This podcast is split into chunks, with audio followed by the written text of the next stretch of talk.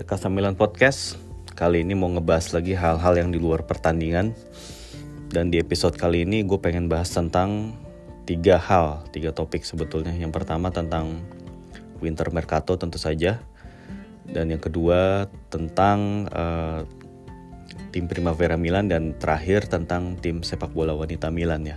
Ini uh, singkat aja sebetulnya. Dan by the way gue juga ngucapin terima kasih kepada teman-teman yang udah uh, dengerin podcast terutama episode kemarin ya. Yang mana uh, ngebahas kebijakan transfer ala Elliot tapi kalau dari stats yang gue lihat di apps ini gitu ya ada 500-an orang yang ngedengerin episode ini. Yang mana ini adalah hal yang luar biasa mengingat banyak terms accounting finance yang gue uh, bring up di situ. Tapi masih ternyata menarik minat dari teman-teman untuk ngedengerin gitu. Yang mana ini ngebuktiin bahwa teman-teman Milanisti sekalian atau mungkin bukan Milanisti yang ngedengerin podcast ini, ini cukup terbuka dengan hal-hal yang seputar manajerial, laporan keuangan dan lain-lain gitu ya. Yang mana mungkin kalau bagi sebagian besar, sebagian fans ada yang bilang ya jadi fans bola zaman sekarang ribet banget sih mesti ngerti laporan keuangan dan lain-lain gak cuma nonton doang gitu ya kalau emang lu bilang begitu ya emang begitu kenyataannya gitu. Karena ya ketika lu ngedukung tim sepak bola sekarang yang bener-bener udah highly regulated yang udah uh, apa namanya udah beda ya udah nggak ngandelin ownernya tuh udah nggak ngandelin passion lagi kayak tahun 90-an gitu. Ya lu mungkin perlu mencari cara yang berbeda untuk menikmati sepak bola gitu. Dan kalau buat gue cara menikmati sepak bola seperti ini itu adalah hal yang menyenangkan sih buat gue ya dan gue juga terima kasih kalau teman-teman udah uh, juga antusias ketika membahas episode seperti ini. Yang mana uh, kalau di podcast Kasamilan sendiri ya um, yang biasanya lebih banyak didengar itu adalah ketika uh, Milan itu habis melakukan big match dan itu hasilnya menang. Yang yang ngedengerin episode uh, match review Milan Juve atau Milan Inter di saat Milan menang gitu ya itu sangat banyak bisa sampai seribu kali didengerin gitu. Tapi atau seribu pendengar maksud bukan seribu kali dengar kayak ada seribu orang yang ngedengerin. Nah tapi kemarin dari ngebahas kebijakan transfer Elliot itu ada 500 yang mana itu adalah menurut gue sebuah apa ya itu tadi yang gue bilang. Ternyata antusiasme dari teman-teman sekalian itu cukup tinggi juga terhadap topik keuangan. Yang mana ini adalah hal yang bagus gitu kalau menurut gue dan gue juga di sini menyapa sebagian dari teman-teman yang mungkin bukan bukan Milanisti ngedengerin podcast ini karena uh, ada banyak dari teman-teman sekalian juga yang message ke gue ataupun mention ke gue bahwa bukan Milanisti tapi cukup sering ngedengerin podcast ini. Dan gue juga appreciate sama teman-teman itu karena emang di sini gue berusaha ketika menyajikan podcast ini selengkap mungkin informasi terhadap bukan cuma Milan tapi juga lawan Milan dan gue akan gue juga membawakannya dengan mencoba seobjektif mungkin. Gitu ya walaupun ya dalam perjalanannya ya gue nggak tahu seperti apa gitu ya. Mungkin ada beberapa hal yang satu dua kali gue nggak objektif atau apa pun. Tapi ya di sini gue berusaha untuk objektif dan gue ngucapin terima kasih buat yang ngedengerin Anyway, balik lagi ke topik ya. Um, mungkin gue ngebahasnya nggak in order dari topik yang gue disebut tadi ya. Gue akan ngebahas tim tim bola cewek dulu karena ini adalah yang hal yang paling sedikit diminatin oleh teman-teman pendengar sekalian ketika gue ngebahas tim bola cewek kayaknya pada nggak ngedengerin ya ya gue wajar ya karena emang uh, yang minat ke sepak bola wanita itu juga nggak banyak gue juga sebetulnya secara general belum gue belum terlalu minat dengan sepak bola wanita tapi karena ini ngebahas Milan ya dan sering berseliweran beritanya di timeline juga ya dan betapa Milan uh, tim Milan sekarang juga cukup memfokuskan apa ya cukup memberikan perhatian yang besar gitu kepada tim wanita ya makanya gue mencoba untuk update aja gitu tapi pengetahuan gue terhadap sepak bola wanita ya masih sangat jauh dibandingin apalagi dibandingin sama Mbak Nino dari Women's Footy Indonesia gitu. Itu jauh banget. Lu kalau mau tahu sepak bola wanita lu bisa kontak dia lah gitu. Anyway um, di tim sepak bola wanita Milan itu uh, sebagaimana kita tahu cukup banyak mess up atau kekacauan yang terjadi di putaran pertama. Kalah di derby, terus kemudian gagal lolos ke Liga Champions di awal musim. Terus yang kemudian diakhiri dengan hengkangnya uh, dua superstar gitu ya. Ya sebenarnya tiga sih. Di awal musim Yui Hasegawa pindah ke West Ham.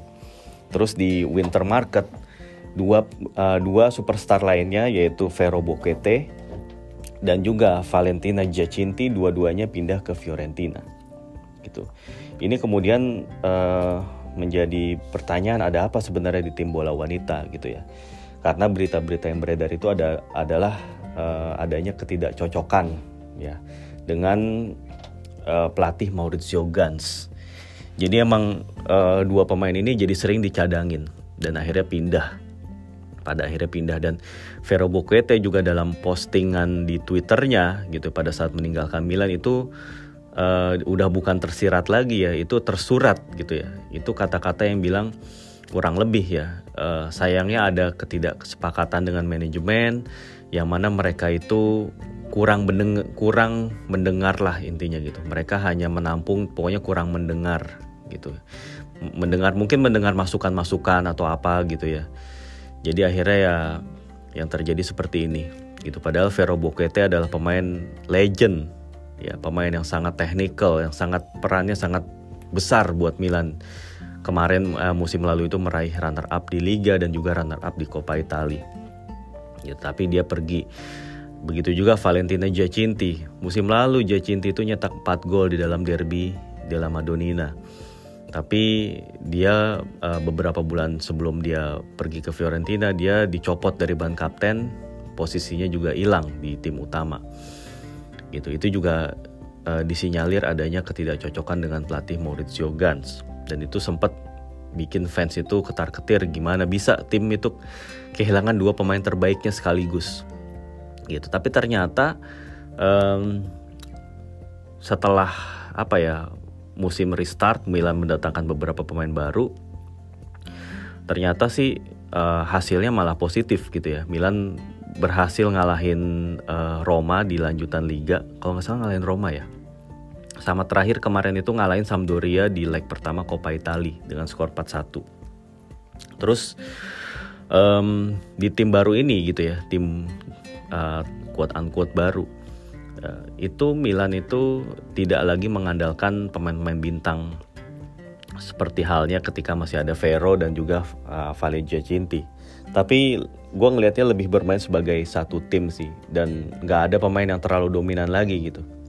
Kalau gue ngeliat sisi baiknya gitu ya, itu pemain baru seperti Alia Guanyi, uh, terus kemudian si Martina Piemonte, ya itu perlahan-lahan mulai integrated ke dalam tim dan akhirnya ya kemarin mereka bisa nyetak gol. Terus pemain yang musim lalu sering jadi cadangan seperti Christy Grimshaw itu juga mulai berperan cukup baik di tim ini. Gitu ya. Dan formasi yang digunakan juga sepertinya ada perbedaan. Ya kalau kemarin Gans itu selalu pakai 352, sekarang itu udah jadi 343 dengan si Alia Guanyi didorong ke depan bersama Vale Bergamaschi dan striker utamanya Lindsay Thomas. Tapi seiring dengan kedatangan Martina Piemonte juga ada beberapa pilihan yang bisa diambil oleh Gans ketika misalnya menduetkan Toma dan juga si Piemonte di depan. Jadi emang intinya permainan Milan ini jadi lebih unpredictable, lebih solid secara tim. Semua pemain itu kayak jadi berperan besar gitu ya dan rotasi juga sangat berjalan yang mana musim lalu itu jarang banget Gans itu melakukan rotasi tim dan gap antara pemain inti dan cadangan itu cukup besar kalau musim lalu. Tapi musim musim ini agak berbeda gitu ya. Ya ini semoga aja ini jadi hasil yang positif lah buat Milan. Anyway gitu ya. Paling nggak untuk ngejar peringkat kedua lagi karena di peringkat pertama tim tim wanita Juventus itu udah sangat superior. Gitu ya. Oke lanjut ke topik kedua yaitu tim Primavera ya. Um, kemarin gue agak kaget juga ada yang bilang ada yang mention ke gue Weh sekarang mah tim Primavera Milan tuh sampah min gitu. Hah? Sampah? Gile. Itu strong word banget sampah ya. Kayaknya kalau lu ngedengar kata sampah itu kan ya apa sih sampah? Nggak berguna harus dibuang gitu kan bau gitu kan. Pokoknya ya intinya lu bukan siapa-siapa lah gitu. Ya mungkin orang ini uh, ngebahas tim Primavera Milan itu sekitar dua musim lalu ya ketika tim ini terdegradasi ke kompetisi Primavera 2 gitu. Tapi kan setelah itu itu kan Milan promosi bang gitu. Milan kan promosi balik lagi uh, ke Primavera 1 gitu ya. Dan itu adalah sebuah pencapaian yang menurut gue jangan disampah-sampahin lah gitu kan itu harus diapresiasi uh, progres progres progres progres yang udah dicapai walaupun walaupun cuma sedikit gitu. Bahkan gue bingung sampahnya di mana gitu ya. Ketika lo ngelihat di transfer market ya kalau dilihat dari squad value gitu ya market value ataupun harga nilai pasar itu Milan itu nggak jelek-jelek amat. Market value-nya tuh di atas 1 juta euro kalau tim Primavera-nya gitu. Yang mana itu lebih tinggi dari tim seperti Inter ataupun Juventus ya. Ya kalau dibandingin sama tim yang jago di Primavera seperti Roma, Atalanta, Empoli emang Milan masih ada di bawahnya gitu. Tapi Milan itu udah di atas levelnya tim Primavera Milan ya, di atas levelnya Juve dan Inter. Dengan catatan Inter kan juga baru mempromosikan pemain seperti Martin Satriano ya yang tim yang berbakat ya. Dan juga ada tuh satu penyerang lagi yang main di Serie B yang cukup produktif juga gue lupa namanya siapa waktu itu gue sempat nge-tweet yang mana itu kemudian mengurangi value tim dari Inter gitu ya tapi anyway ya Milan itu juga udah ada di level situ. Pemain beberapa pemain Milan yang cukup berbakat juga udah menunjukkan tajinya juga gitu. Lukas Tangga udah dipromosiin, udah bukan dipromosiin sih, sempat debut waktu lawan Venezia. Emil Robak juga sempat debut juga di Coppa kemarin kan ya, di Coppa Italia Emil Robak juga sempat uh, melakukan debut di tim senior gitu ya uh, si Laponava itu juga sempat jadi deputinya uh, Mike Mignon dan juga uh, Mirante gitu ya. Jadi menurut gue ya kalau dibilang sampah ya enggak juga lah itu karena pada kenyataannya ada beberapa pemain yang juga cukup potensial dan sebenarnya manajemen itu udah melakukan beberapa perekrutan yang sebetulnya cukup membantu gitu ya untuk tim uh, Primavera ini gitu ya.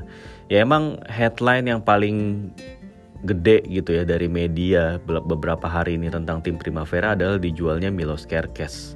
Ya Kerkes ini adalah pemain uh, back kiri tim Primavera yang bisa dibilang salah satu yang paling berbakat di skuad gitu. Tapi kok malah dijual ke AZ Alkmaar dengan nilai 200 eh 200 2 juta euro. Ya emang secara laporan keuangan itu membukukan plus Valenza yang sangat besar. Dibeli eh, cuma 200 ribu dari sebuah klub Hongaria, gue lupa namanya apa. Tapi kemudian hanya setahun setahun berselang gitu ya dijual dengan harga 2 juta euro. Yang mana itu keuntungannya um, se, uh, 1000% ya berarti kan. Kalau dilihat dari harga beli dan harga jual tapi kalau dihitung uh, dengan metode amortisasi itu plus valenzanya kurang lebih 1.800.000 euro gitu ya.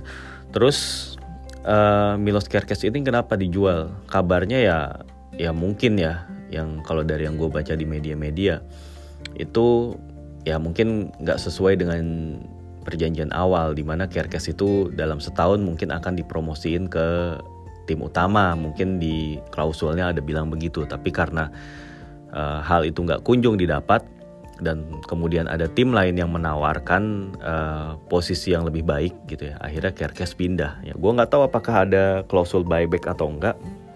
Jangan terlalu berharap.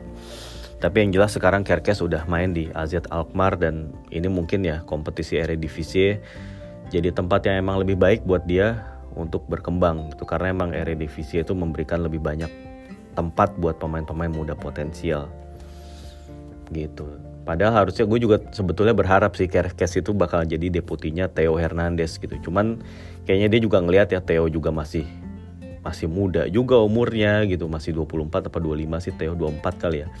Sementara Kerkes itu 18 atau 19 tahun gitu ya. Ya maksudnya untuk jadi deputinya Theo itu pun juga berat karena akan Theo itu untouchable gitu di tim utama. Jadi ya Kerkes gak akan banyak dapat kesempatan. Apalagi Milan udah kemarin tuh ngebeli uh, si Fode Balotore gitu ya. Yang mana dia akan jadi nomor duanya di belakang Theo. Dan mungkin dia dia dari situ ngelihat ah nggak ada peluang gitu. Buat dia nembus ke tim utama. Tapi um, sekalipun si Kerkes itu pergi ya gue kemarin ngelihat uh, highlight bukan highlight sih ya. Gue gua nonton cuplikan pertandingan antara Empoli lawan Milan Empoli itu tim papan atas ya sebetulnya di uh, Primavera. Cuman musim ini mereka tampil kurang baik. Gue ngelihat uh, highlight pertandingan yang kurang lebih 20 menit terakhir. 20 apa 20 25 menit. Lu kalau nggak percaya lu lihat di YouTube Empoli versus Milan Primavera. Itu ada uh, cuplikan pertandingan yang cukup panjangnya. Bukan yang highlight gol-golnya doang tapi cuplikan yang kurang lebih 20 menit lebih lah. Di situ gue ngelihat pemain yang ngegantiin posisinya Kerkes yaitu namanya Andrea Bozzolan Andrea Bozzolan ini masih berusia 17 tahun dan emang uh, emang tim aslinya Milan gitu. Dari tim under 17, under 15 itu dia udah ada di tim Milan dan sekarang dia dengan kepergian Milos Kerkes ke AZ Alkmaar dia jadi back kiri utama di tim Primavera dan cukup menjanjikan. Ini pemain yang cukup ya modern fullback lah. Tahu cara nyerang gitu ya, punya kemampuan crossing yang lumayan dan secara defense juga nggak jelek. Inilah yang mungkin uh, bisa jadi pemain yang nantinya jadi uh, deputinya Theo atau mungkin penerusnya Theo.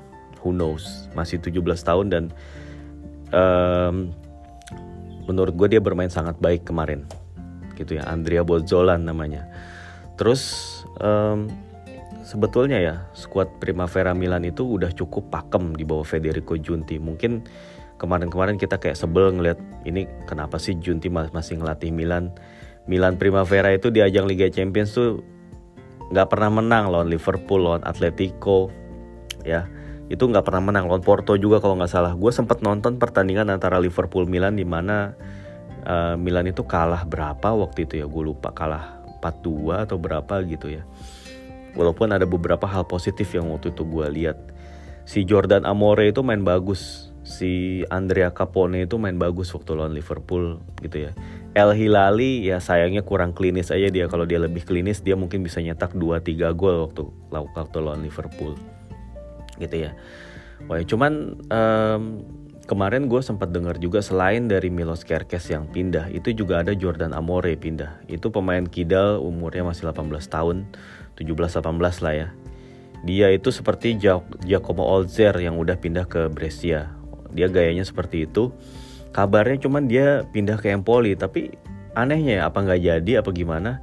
Di situs transfer market dan juga di situs resminya Milan namanya si Jordan Amore itu masih ada. Apa itu nggak jadi atau gimana gue juga belum riset lebih lanjut lagi gitu. Tapi yang jelas kalau nggak jadi pun bagus karena dia adalah pemain berbakat si Jordan Amore ini gitu ya. Nah waktu Milan lawan Empoli kemarin itu um, starting elevennya itu adalah si kipernya Fotis Seftis. Itu bacanya emang rada susah kalau uh, tulisan Greek gitu ya. Itu si si Festis ini pas lagi skornya 0-0 itu berhasil dia nahan tendangan penalti. Yang mana ini adalah sebuah timing yang krusial karena kalau Milan ketinggalan duluan itu mungkin ceritanya akan lain tapi si Seftis ini berhasil mengamankan tendangan penalti itu dan akhirnya Milan bisa menang dengan skor 1-3 gitu. Itu mainnya di eh 3-1. Mainnya itu di Vismara Milanello ya.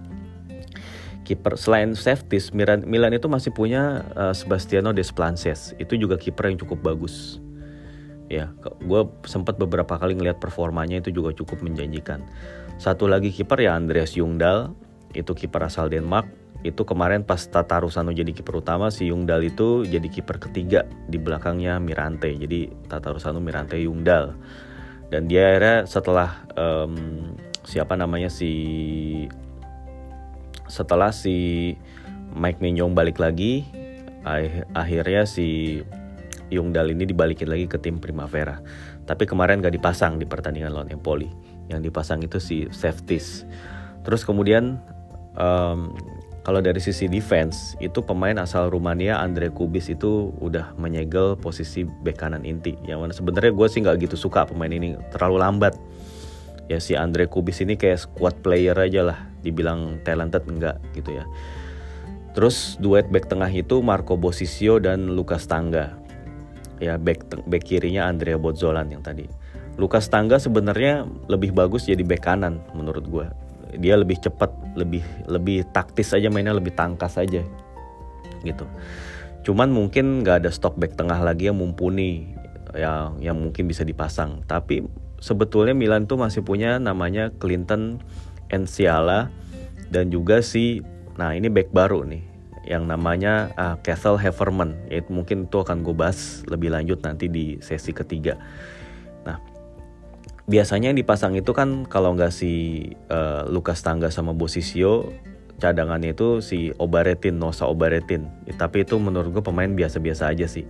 Gue nggak tahu apakah bakalan jadi back masa depan Milan atau enggak tapi kayaknya sih enggak kali ya. Gitu nggak emang nggak ada yang spesial gitu. Tapi Lukas Tangga ini pemain yang cukup bagus buktinya dia dikasih kesempatan uh, untuk debut lawan Venezia kemarin itu di, di, di sisi defense. Dari sisi midfield sebetulnya lebih menarik.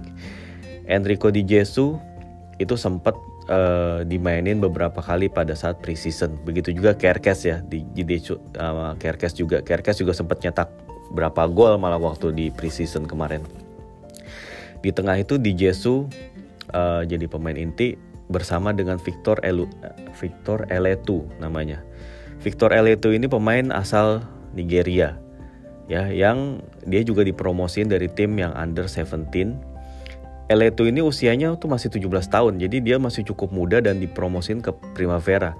Dan dia uh, main cukup bagus kemarin waktu pertandingan Primavera. Emang pas gue nonton dia udah ditarik keluar tapi kalau gue baca di uh, apa ya gue lihat dari akun-akun Milan Twitter yang ngebahas tentang youth sector itu si Victor Eleto tuh main bagus bersama dengan si uh, Di Jesu. Ya Terus kemudian uh, di tengah itu juga ada Giovanni Robotti, itu juga squad player yang lumayan lah, decent lah si Robotti ini. Terus ada juga Antonio Gala, pemain yang lebih bernaluri nyerang. Antonio Gala ini masih 17 tahun juga. Ini cukup promising menurut gue. Si Antonio Gala ini. Asal dia lebih berani, dia lebih mengasah lagi skill dengan bolanya, visinya. Gue rasa uh, dalam 2 atau tiga tahun dia bisa ya bisa main bagus lah bisa dikasih kesempatan untuk tim utama lah. Si Antonio Gala ini menurut gue cukup potensial ya. Terus kemudian di depan ya Emil Robek lu udah mungkin lu udah banyak tahu tentang Emil Robek nah terus ada dua pemain yang cukup menarik uh, Shaka Traore. Shaka Traore itu bekas pemainnya Parma ya. Ini pemain sangat skillful ya dia cukup banyak bergaya dengan bola gitu ya uh, berdansa dengan bola ya ala-ala Ronaldinho punya confident yang tinggi cuman ya mungkin secara taktikal harus bekerja keras karena pemain-pemain seperti ini biasanya emang kurang disiplin secara taktikal kurang mau track back, kurang mau ngepres dan lain-lain, cuman fokus pada saat dia nggak bawa bola. Nick Traore ini tipikalnya kayak gini. Kalau dia dilatih dengan benar, kalau dia itu lebih disiplin lagi, gue bilang dia bisa jadi calon pemain yang bagus juga, gitu ya. Terus ada satu lagi namanya uh, Bob Murphy Omorekbe.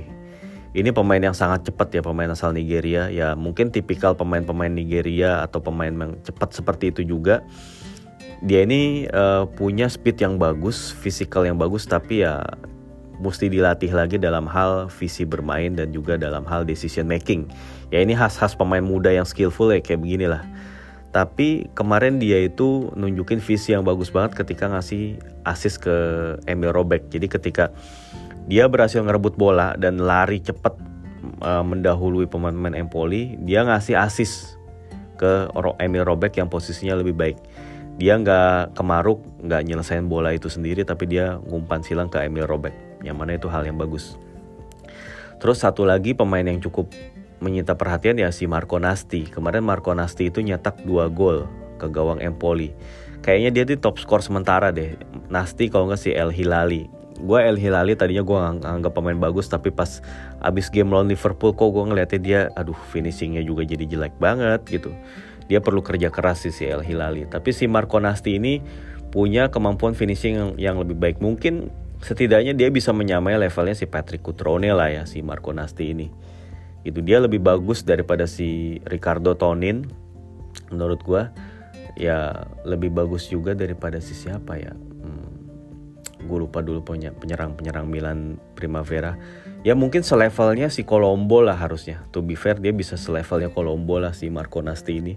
Posturnya bagus finishingnya bagus. Ya, ya antara Kutrone sama Colombo lah.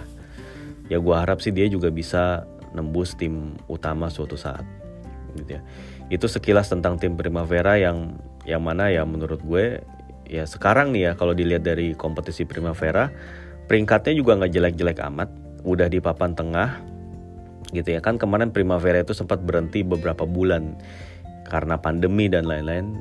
Ini baru kali ini dimulai lagi nih pertandingan Primavera. Dan ini good sign juga buat tim Milan gitu. Karena di papan tengah dan seandainya ya Milan itu kok tim Milan itu masih uh, bermain satu kali match lebih dikit dari tim-tim lainnya yang ada di atas. Jadi kalau uh, di match tunda ini Milan menang, peringkatnya itu akan naik ke top half. Yang mana itu hal yang bagus.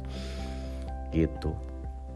Ya, jadi anyway, ya balik lagi kesimpulan tim Primavera Milan itu sekarang sih nggak nggak dibilang sampah yang enggak lah gitu. jadi ya itu kan dua tahun lalu ya, ya kan berita update terus, tim itu update terus ya ya mungkin bisa lebih diperhatiin lagi gitu aja lah. Terus ke topik selanjutnya terakhir yaitu uh, ngebahas tentang rekap Winter Mercato. Ya mungkin kalau ngomong hal ini lu nggak akan seantusias pendukung Juve sama Inter balik lagi. Milan itu hanya mendatangkan uh, Marco Lazetic Terus sama dua lagi pemain Primavera. Satu gue lupa pemain asal Italia juga. Nah satu lagi Castle Heverman. Ya, Marco Lazetic ya namanya rada familiar. Ya gue gua agak-agak mengingat siapa ya Lazetic Lazetic ini pernah gue denger. Itu nggak taunya uh, si Marco Lazetic ini adalah keponakannya dari Nicola Lazetic buat yang suka nonton seri A tahun-tahun 2000-an ya suka merhatiin tim papan tengah papan bawah lu mungkin inget pemain ini pernah main di klub seperti Chievo, Siena, Torino. Lama main di Torino sih sini Nicola Lazetic ini. Pemain sayap kanan. Ternyata uh, Nik uh, Nicola Lazetic ini adalah suami dari Sonia Lazetic lo mungkin kalau merhatiin Milan Twitter kemarin-kemarin familiar sama namanya Sonia Lazetic seorang model cantik asal Serbia. Dia itu istrinya Nikola Lazetic yang terus dia bilang uh, dia kan nanya ya who's La, si, lu siapanya Lazetic ini? Lu siapanya Marco Lazetic dia bilang I am Marco Lazetic Marcos aunt tantenya. Gitu dia tantenya si Marco Lazetic dia istrinya si Nikola Lazetic berarti ya emang keponakan si Marco sama Nikola ini. Eh si Nikola uh, Nikola ini omnya si Marco Lazetic gitu. Dan Marco Lazetic ini ya seperti yang gue bilang dia promising striker. Ya dia udah dia main di Red Star Belgrade. Ya mungkin gue rasa Milan itu ada kontak sama Red Star dari musim lalu pas mereka ketemu di ajang Europa League. Gue rasa sih uh, Geoffrey Moncada dan tim ya udah tahu siapa-siapa pemain berbakatnya Red Star dan dapat info oh ini Marco Lazetic berbakat nih gitu.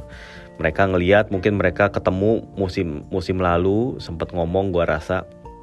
Nah terus kemudian setelah Marco Lazetic menunjukkan perkembangan akhirnya direkrut ya nilai transfernya sebenarnya cukup mahal juga kalau buat ukuran pemain muda 4 juta euro plus potensial bonus 1 juta euro cukup tinggi. Jadi ini melambangkan sebetul sebetulnya ekspektasi Milan itu cukup besar kepada Marco Lazetic terutama karena lihat potensinya.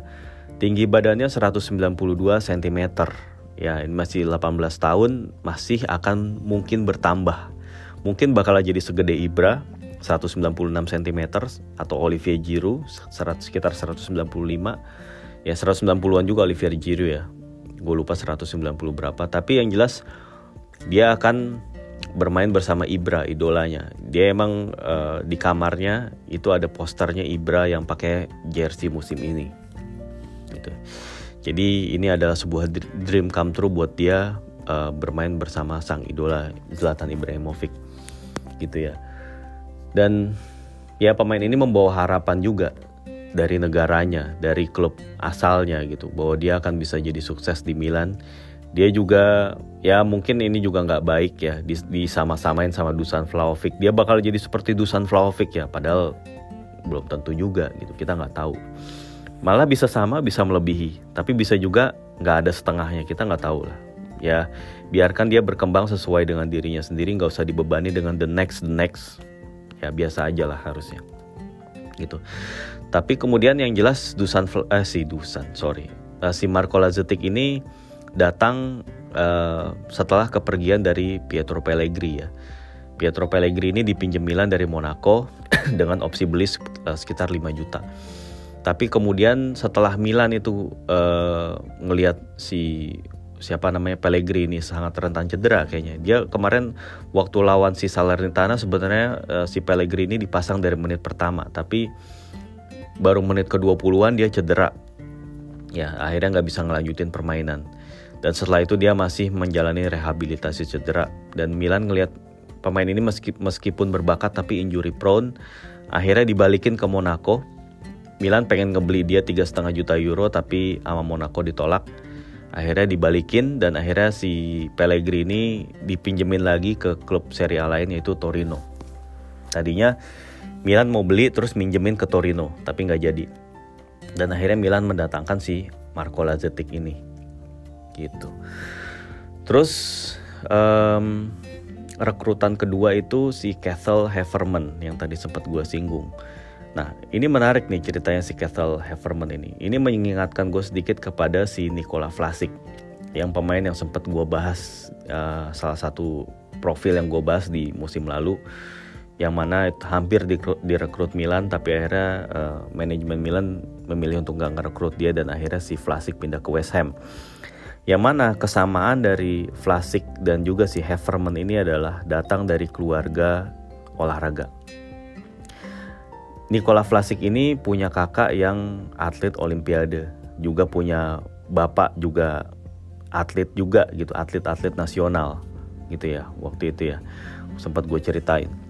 Nah si Castle Heverman itu setelah gue baca-baca ternyata ibu dan bapaknya si Castle Heverman yaitu si Rob Heverman dan juga uh, Marian Heverman itu dia mereka berdua adalah atlet Irlandia gitu ya yang uh, bahkan ya bermain di Olimpiade.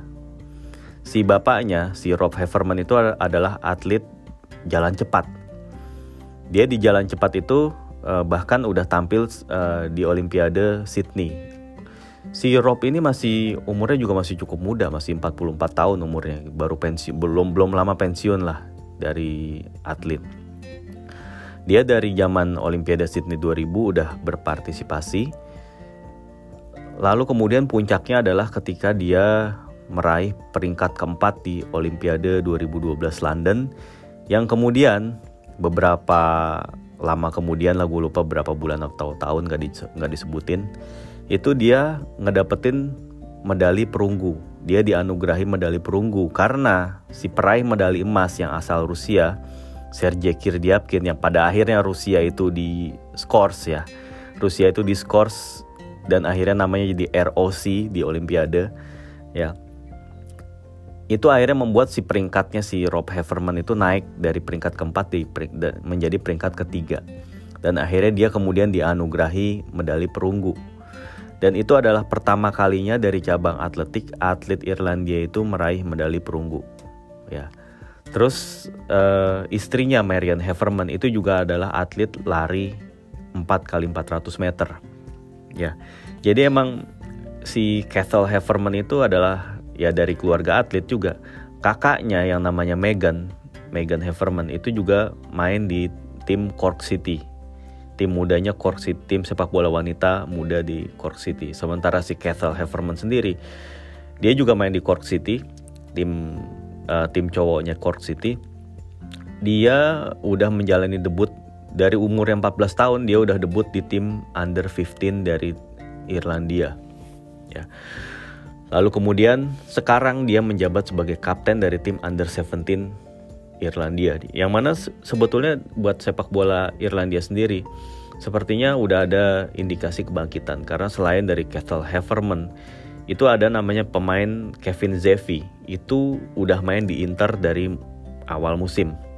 Bahkan si Kevin Zevi sempat kalau lu tahu ya lu merhatiin uh, sepak bola Italia gitu ya. Dia sempat nyetak hat trick ketika tim muda Inter tim under 17 apa under berapa lah itu ngebantai Hellas Verona dan si Kevin Zevi itu nyetak hat trick nah si Kessel Hefferman itu satu tim teman satu timnya si Kevin Zevi jadi menarik kalau misalnya seandainya ya dua pemain ini nantinya bertahan di tim masing-masing di, di Inter dan di Milan dan suatu saat mereka ketemu dalam derby della Madonnina. Ini bakal jadi cerita yang sangat menarik. Si Kevin Zevi ini ditarik Inter dari si Shamrock Rovers, sementara si Kessel Hefferman ini dari Cork City. Gitu ya.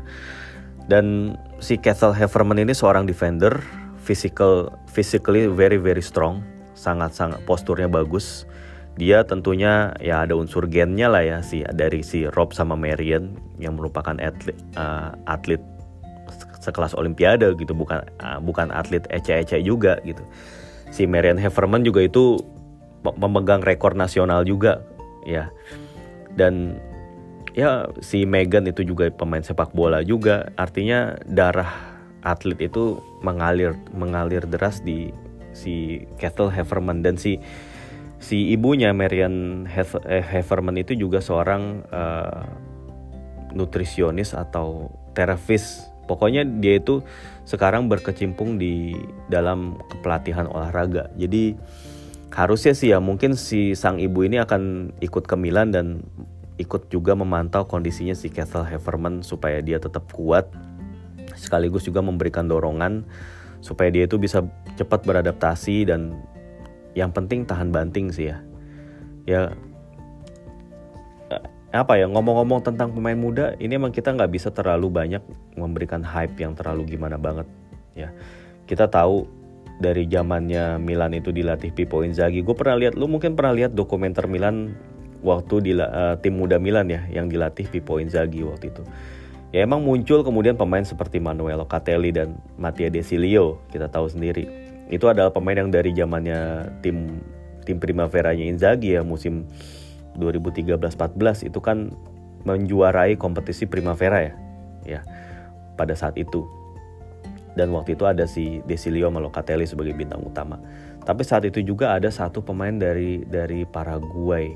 Lupa gue namanya siapa. Ih waktu itu gue inget tuh. Ada pemain asal Paraguay yang jadi bintang juga. Dia kadang-kadang ngerasa homesick apa dan sebenarnya cukup berbakat dan digadang-gadang jadi salah satu pemain bintang. Tapi yang mana kita lihat uh, sekarang ya tujuh tahun setelah itu Locatelli udah main di Juve dan Desilio udah main di Juve. Ini si pemain Paraguay ini nggak tahu nih ke mana gitu. Artinya di dunia sepak bola profesional itu itu apa ya antara kesuksesan dan kegagalan itu tipis banget. Apalagi kalau lu masih muda. Once um, oke okay lah lu main di tim di tim junior uh, di tim juniornya tim terkenal gitu tapi once lu udah umurnya 19, 20, 21 gitu ya dan kemudian lu nggak dilirik-lirik sama tim utama ya lu karir, lu bisa dibilang selesai di tim itu. Dan lu harus nyari tim baru lagi. Dan itu nggak gampang juga gitu. Kalau sih emang lu bener-bener berbakat gitu kayak Pierre Aubameyang gitu ya dia nggak dilirik di tim utamanya Milan terus kemudian dia pindah ke Prancis dan dia akhirnya sukses di situ karena emang dia berbakat dan dia bekerja keras gitu tapi ya lebih banyak lagi cerita-cerita pemain itu yang gagal jadi pemain bola profesional gitu. Sempat main di tim junior ya tapi kemudian akhirnya eh, ketika menjalani umur-umur 20, 21, 22 nggak ada tim yang ngelirik dia untuk menjadi pemain pro. Dan akhirnya ya udah terkuburlah cita-cita jadi pemain bola gitu. Dan ini bisa jadi bisa juga terjadi kepada pemain seperti Kessel Haverman kita nggak tahu gitu kalau dia misalnya gagal di Milan kita nggak tahu dia bakal ke mana. Tapi semoga aja dia bisa berhasil. Dia central defender dan seperti yang tadi gue bilang central defendernya Milan itu di tim Primavera bukan their strongest point gitu. Dan ini bisa jadi kesempatan buat si Haverman untuk bisa nembus tim inti. Ini statusnya Haverman itu loan dan loan sampai tahun eh sampai bulan Juni 2022 ini. Cuma enam bulan kurang dari enam bulan dia punya waktu kurang dari enam bulan untuk mengimpress tim pelatih uh, Milan Primavera sebelum akhirnya Milan memutuskan untuk membelinya secara permanen. Dan ini kesempatan Semoga aja si Haverman bisa berduet dengan Lukas Tangga kayak atau Bosisio atau Clinton Siala uh, siapa pun itulah. Semoga dia bisa jadi center back pairing yang bagus. Itu aja sih. Terus um, satu lagi siapa ya yang direkrut ada satu lagi pemain muda gue juga gue lupa tadi namanya siapa. Itu main di Primavera juga gitu ya. Apakah itu pemain yang balik lagi ke Milan dari loan sebelumnya? Gue juga sorry gue belum terlalu banyak riset. Ya.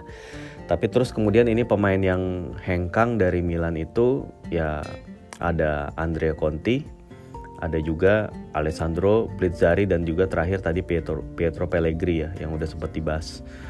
Uh, buat si Blizzari untuk kesekian kalinya dia dipinjemin lagi, sayang banget dia nggak jadi kiper Milan. Ya karena uh, sebetulnya dia punya potensi yang bagus waktu zamannya Donnarumma berkibar di Milan. Sebenarnya Blizzari juga kayak second bestnya gitu. Dan emang nasib menjadi second best di belakang talenta yang sangat fenomenal emang itu resikonya seperti itu. Kayak nyaris nggak ada yang mengingat uh, peringkat kedua. Si, si nomor dua. Gitu ya. Dulu gue gue ya ini di luar sepak bola sih. Dulu uh, eh, gue pernah kayak denger cerita seorang gitaris ya. Ya dia ini pernah peringkat kedua uh, sebuah festival atau kejuaraan ya pokoknya lomba gitar lah ya. Dia peringkat kedua. Nah peringkat satunya itu Tohpati ya cuman akhirnya Tohpati yang jadi terkenal. Dan nobody remember the number two. Gitu. Dan inilah sepertinya yang menjadi nasib dari si Alessandro Plizzari. Ya I'm afraid ya. Tapi ya sebetulnya Plizzari udah dikasih kesempatan oleh Milan. Jadi kiper ketiga di belakangnya Tata Rusano, di belakangnya Mike Menyong dan Tata Rusano. Cuman sayangnya justru pas Mike Menyong cedera, Tata Rusano jadi kiper pertama. Si Plizzarinya malah cedera dan akhirnya Milan ngedatangin Mirante. Dan akhirnya sekarang setelah Milan itu punya tiga kiper senior, nggak ada tempat buat Plizzari gitu. Belum lagi dia juga saingan sama Andreas Jungdal. Dan akhirnya dia dipinjemin lagi ke Lecce. Ya kita nggak tahu lah ya. Mudah-mudahan dia tampil bagus di Lecce dan bisa comeback stronger lagi lah gitu ya, kan Tata Rusano dan Mirante juga udah tua harusnya dia juga punya kesempatan untuk jadi kiper kedua di belakangnya Mike Mignon lah ya gue harap begitu terus um, siapa lagi ya tadi Pellegrini udah disinggung nah Andrea Conti ya ter terkait Andrea Conti mungkin gue nggak terlalu berkomentar banyak ini adalah uh, dia mendat uh, dia mendapatkan series of unfortunate event ya. Siapa yang nggak bilang itu unfortunate itu kalau bukan cedera ACL dua kali. Gue nggak tahu di tempat yang sama lutut kiri atau di tempat yang berbeda gue lupa. Tapi yang jelas udah lu kena ACL dua kali lagi. Itu dua cedera panjang yang menyakitkan buat atlet, mimpi buruk buat atlet datang ke seorang pemain potensial. Sebelumnya kan Conte itu pemain yang sangat potensial ketika dia didatangkan dari Atalanta 25 juta euro untuk kontrak uh, eh, 5 tahun. Cuman ya sayangnya berakhir seperti ini. Ya semoga sukses saja Conti di Sampdoria. Dan terkait pembahasan Andrea Conti ini, gue rasa lu bisa dengerin podcastnya Mas Benny ya, San Siro Podcast. Dia di episode terakhir kemarin ya ada ngebahas tentang Andrea Conti di samping ngebahas tentang kebijakan transfer Milan juga ya itu San Siro Podcast kemarin ngebahas bagaimana Andrea Conti itu overcome dengan cedera uh, eh, ACL seperti halnya yang sedang Mas Benny juga melakukan terapi karena mengalami cedera ACL semoga cepat sembuh dan itu dibahas dengan ya itu dibahas dengan baik oleh Mas Benny ngomongin tentang Andrea Conti. Lo bisa dengerin podcast dia episode terakhir kemarin. Ada pembahasan itu yang menurut gue lebih komplit dari sisi karena ya itu dibandingin sama pengalaman pribadi juga itu jadi jadi lebih lebih ini aja apa namanya ya lebih enak dengernya aja gitu. Anyway uh, gua rasa udah kepanjangan nih episode. Ya semoga berkenan. Mohon maaf kalau ada kata-kata yang juga kurang berkenan ya. Dan tetap dengerin Kasamilan Podcast. Sampai jumpa lagi dalam episode-episode selanjutnya. Ciao